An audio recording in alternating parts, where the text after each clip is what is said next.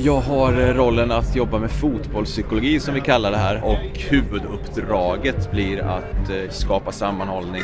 Förbundskapten Janne Andersson hoppas att grupppsykologi ska lyfta Sveriges spel i fotbolls-EM. Men hur långt kommer det ta oss? Det mentala är liksom ingen trollformel eller något men det är en del i att förbereda laget också. På en kvart berättar vi om varför lagsammanhållningen är vårt främsta vapen och vad som krävs för att bli en stor fotbollsnation.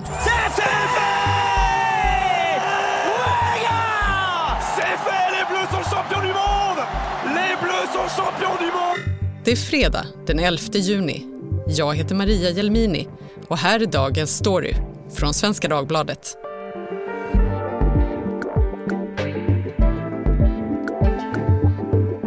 Anders Lindblad, du är sportkrönikör på SvD och nu drar ju alltså fotbolls-EM för herrar igång och Sverige spelar sin första match på måndag mot Spanien. Hur förbereder du dig inför matchen? Jag förbereder mig genom att åka till Göteborg på Sveriges uppladdningsläger här sista veckan. De har ju flyttat sin bas från Dublin där det var tänkt att de skulle vara från början till Göteborg på hissingen. Så jag kommer vara där den här veckan, följa träningar, presskonferenser och sen reser landslaget på lördag ner till Sevilla då och eh, då är det bara att hålla tummarna. Ja, då är det bara att hålla tummarna. Så det blir väldigt spännande. Så vad kan man säga om eh, den svenska EM-truppen? Ja, det var ju ett avbräck när Zlatan Ibrahimovic blev skadad och eh, var tvungen att tacka nej. Sen, man får lita till laget helt enkelt. Det brukar vara så. Sveriges eh, styrka det är ju kollektivet och eh, det är en trupp med spännande namn, flera unga killar som är riktigt bra. Dejan Kulusevski, Alexander Isak framförallt. Är det våra starkaste kort? Ja, det är i alla fall de mest spännande namnen just de här 21-åringarna. Sen starkaste kortet kanske är Emil Forsberg som har varit riktigt bra i eh, de två matcherna inför EM. Men eh, Victor Nilsson Lindelöf som spelar i Manchester United är också ett riktigt starkt kort men överlag så är det ändå det laget som är vårt starkaste kort. Du skrev en artikel om det här också där du lyfte just det där med laget och sammanhållningen. Att vi kanske inte då har det absolut bästa laget men vi har den starkaste sammanhållningen. Det här är någonting som man har jobbat mycket med också förstod jag. Mm. Jan Andersson då, förbundskaptenen, han hyllar ju ofta kollektivet, att man ska göra saker tillsammans. Han pratar om samhandling på plan och vi ska glädjas och vi ska deppa ihop. Eh, och eh, en symbolisk grej var när han tog ut Andreas Granqvist i truppen när Uefa tillät 26 spelare istället för 23 som är normalt. Då tog han med Granqvist som en symbolisk eh, spelare trots att han inte kommer spela i EM, det vet man på förhand. För att Granqvist står för den här lagsammanhållningen väldigt mycket. Och i ledarstaben så har också Jan Andersson en idrottspsykolog som heter Daniel Ekvall som har jobbat med eh, både IFK Norrköping under Jan Anderssons tid och varit med i landslaget sedan Jan Andersson tog över där 2016. Som man har tagit in alltså för att jobba extra just ja. med det här sammanhållningen och man jobbar, ja, man jobbar väldigt mycket med just eh, dynamiken, gruppdynamiken, att man ska göra saker ihop och att ingen får eh, sprida negativ energi för det blir så på ett EM eller ett mästerskap där man är tillsammans så länge att alla kan ju inte spela.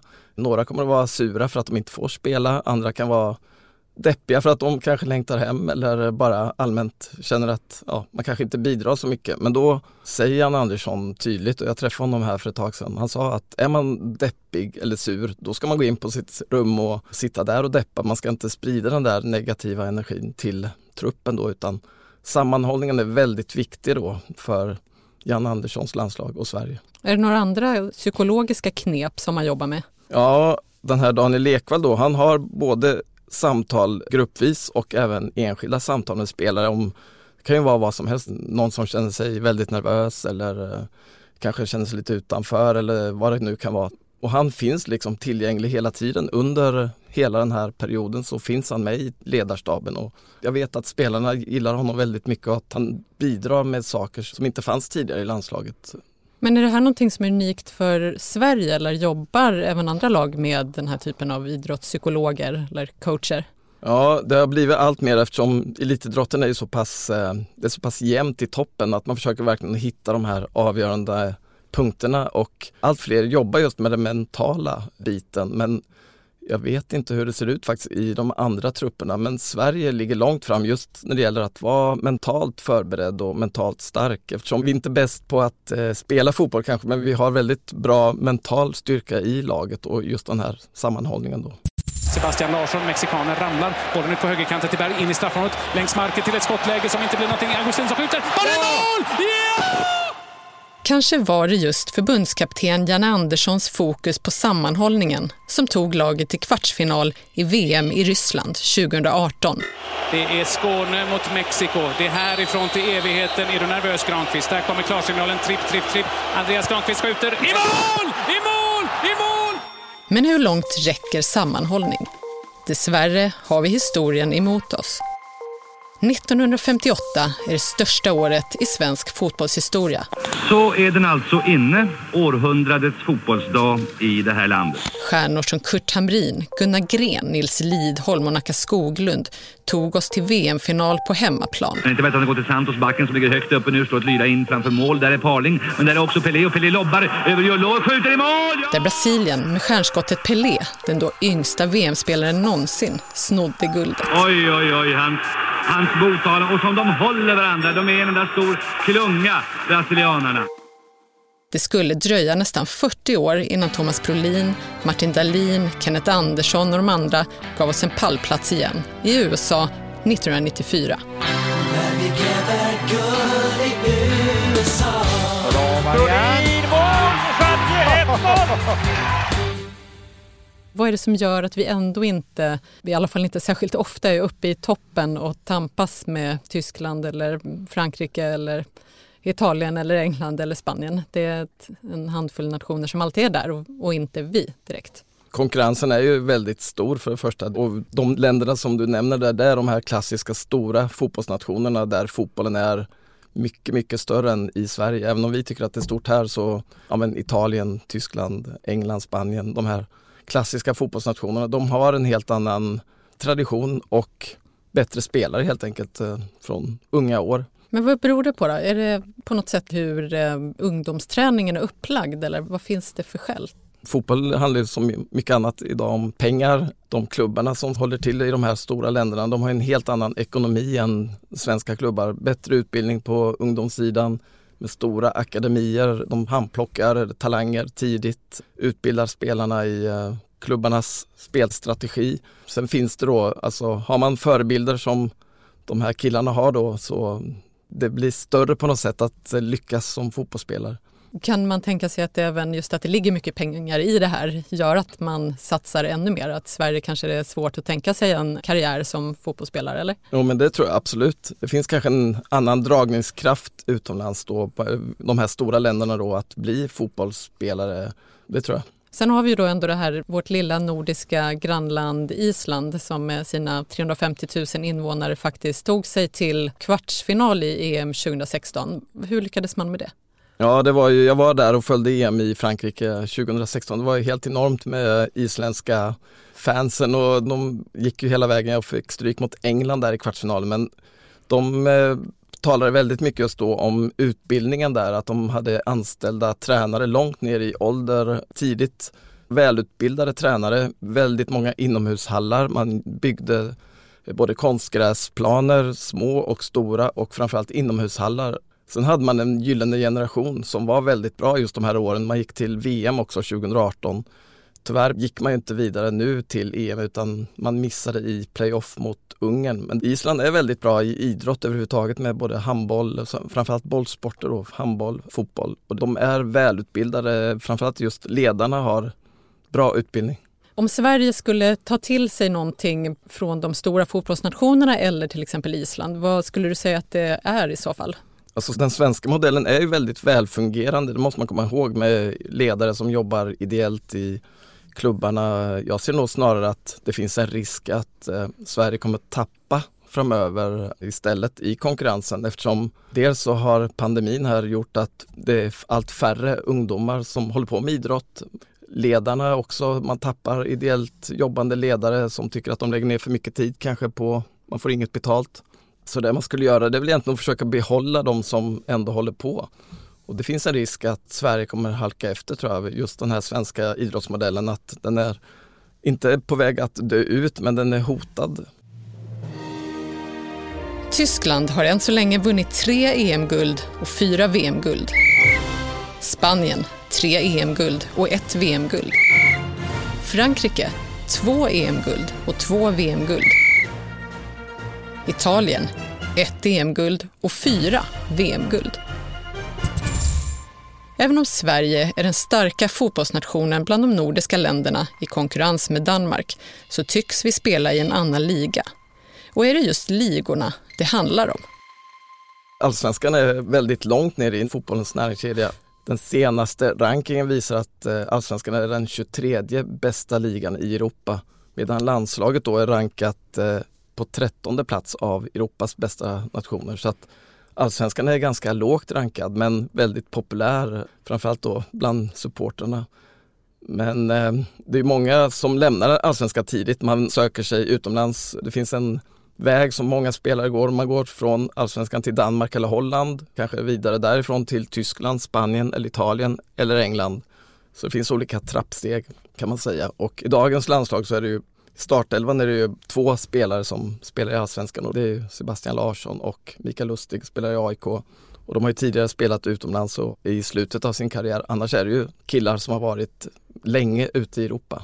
Några av dem till och med när de var redan ja, från 15-16 års åldern tog steget ut i storklubbar. Mm. Nu kommer de i alla fall hem. Ja, nu kommer de hem. Det är bra att de ställer upp för Sverige.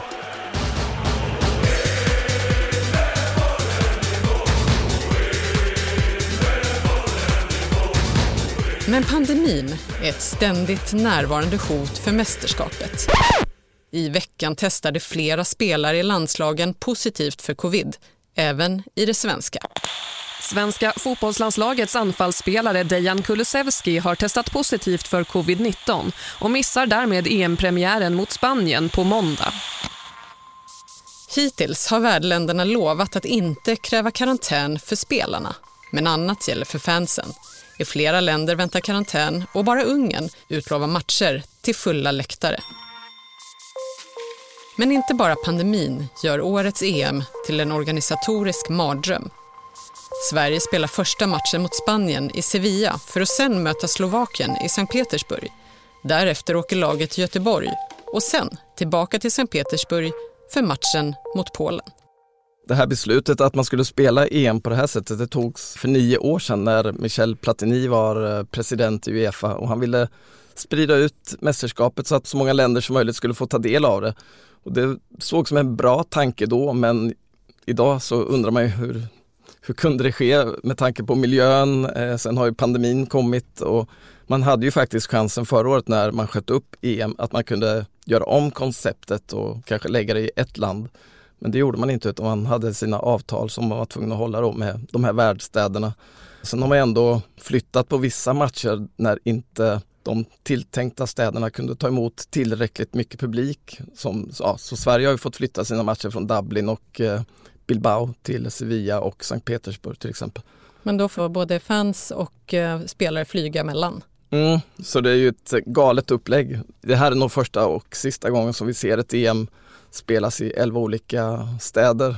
Och grejen var ju, Sverige var ju en av de ansökande nationerna som ville ha matcher i EM och eh, Så blev det inte? Nej, Friends byggdes precis då, eller den stod precis klar och jag vet att eh, Svenska Fotbollförbundet var ganska säkra på att Stockholm skulle bli en av världsstäderna med Friends Arena då som dragplåster men Köpenhamn valdes istället. Eh, annars hade vi haft EM på Friends. Men vad kan det här få för effekt på spelandet då? Det är hitta landslag som kommer få spela matcher på sina hemmaarenor. Inte Sverige då. Hur viktigt är det? Ja, det är ju jätteviktigt. Det blir ju faktiskt orättvist. Alltså, England får spela sina gruppspelsmatcher på hemmaplan. Eh, Italien, Danmark, Spanien, Holland, Tyskland, Ryssland och Skottland får spela två av sina tre. Det blir ju en klar fördel. Även om det inte är fullsatta arenor så kommer det ändå vara publik på arenorna. Så att det är en stor fördel för de här länderna som har sina hemmaarenor att spela på. Så det skulle kunna påverka negativt för Sverige till exempel? Ja, jag tror ju, alltså första matchen är ju svår oavsett mot Spanien men just att möta Spanien i Spanien det är ju i princip omöjligt nästan. Det blir väldigt svårt. Hur kommer det gå? Det går inte bra tror jag. Nej men det, en poäng vore ju jättebra om Sverige kunde få med sig en poäng mot Spanien. Spanien är lite av en, alltså inte mardrömsmotståndare men en väldigt svår motståndare för Sverige och Spanien har kanske inte sitt bästa lag någonsin men eh, 2-0 till Spanien är väl ett rimligt resultat. Skulle mm. Sverige få med sig en poäng som sagt då skulle det vara väldigt viktigt för fortsättningen. Det skulle vara i praktiken kanske avgörande för att ta sig vidare från gruppen. Och vi har ju den här svenska sammanhållningen då, eller jobbar på den i alla fall, med idrottspsykologer. Men hur långt kommer det ta oss? Var slutar vi? Ja, sammanhållningen är ju ett bra, den ska inte underskattas men det räcker inte till eh, att ta medalj som man kanske såklart ville att det skulle göra men eh, jag tror att det blir stopp redan i åttondelsfinal. Men jag hoppas på kvartsfinal åtminstone. Tack Anders Lindblad för att du kom hit. Tack så mycket. Tack. Och vi kan förstås följa din bevakning av fotbolls-EM på svd.se. Absolut. Och du som lyssnar på Dagens Story kan testa SvD Digital Premium i en månad utan kostnad. Då kan du dela prenumerationen med upp till fem personer i din familj. Så gå in på svd.se prova. Den som har klippt programmet idag är Klara Wallin och jag heter Maria Jelmini. Vill du kontakta oss så mejla till dagensstory.svd.se.